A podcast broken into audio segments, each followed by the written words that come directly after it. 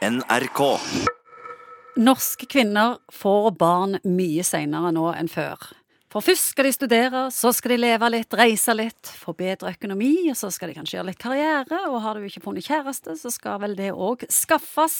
Og trenden akkurat nå med at en del blir gamle mødre og får det til å funke, den lurer kvinner til å tro at de er fruktbare lenger enn de er, sies det. Og hva sier du, Morten Munkvik?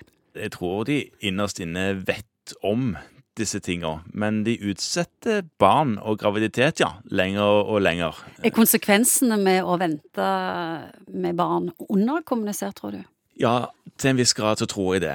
Jeg merker meg at mange blir overraska over at det ikke bare var å slutte med prevensjon, og så eh, kom graviditeten. Noen blir forbausa over det, og så sier men Selv om de er nokså unge? Selv om de er nokså unge, ja. Og det blir jo bare et større problem hvis de blir eldre. Når er den magiske grensa på å lage friske barn der du ikke egentlig er i risikosonen? I Norge så følger man jo særlig opp de som ved termindato er over opp mot 40. Så der går det et eller annet, det er en glidende økning i risiko for alvorligere misdannelser. Det er minst risiko når en er ung, og øker og øker og øker. Og tall fra medisinsk fødselsregister viser at antall fødende kvinner over 45 har dobla seg de siste ti årene. Ja. Hva er din kommentar til det?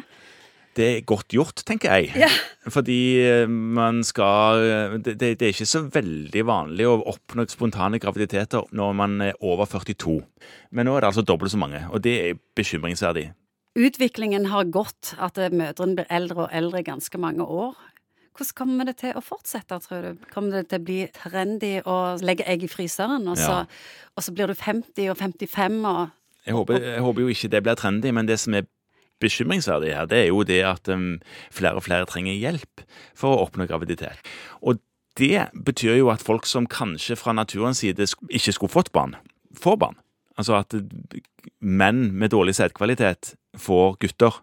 Og hvordan tror du den sædkvaliteten er? Det, det er iallfall ikke usannsynlig at den ikke er sprek.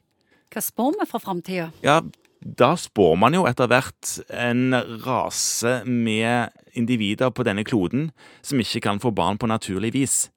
Nå er jeg ekstremt sånn dyster, som ikke er likt meg, men det er jo det man kan øyne konturene av. At man er nødt til å få hjelp for å få barn. At det er vrient for menneskearten å kopulere og bli gravid. Du, hva er konklusjonen i dag?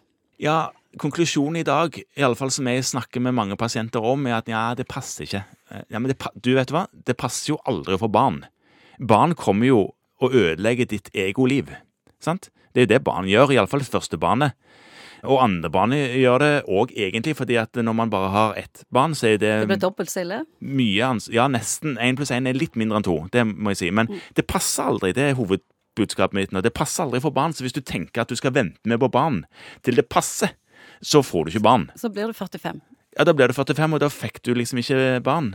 Så hovedbudskapet nå er vil du ha barn, så er det egentlig bare å få det. Dersom du har et godt liv med en du er glad i, så får du barn med den personen så tidlig du eh, får det til. Punktum. NRK.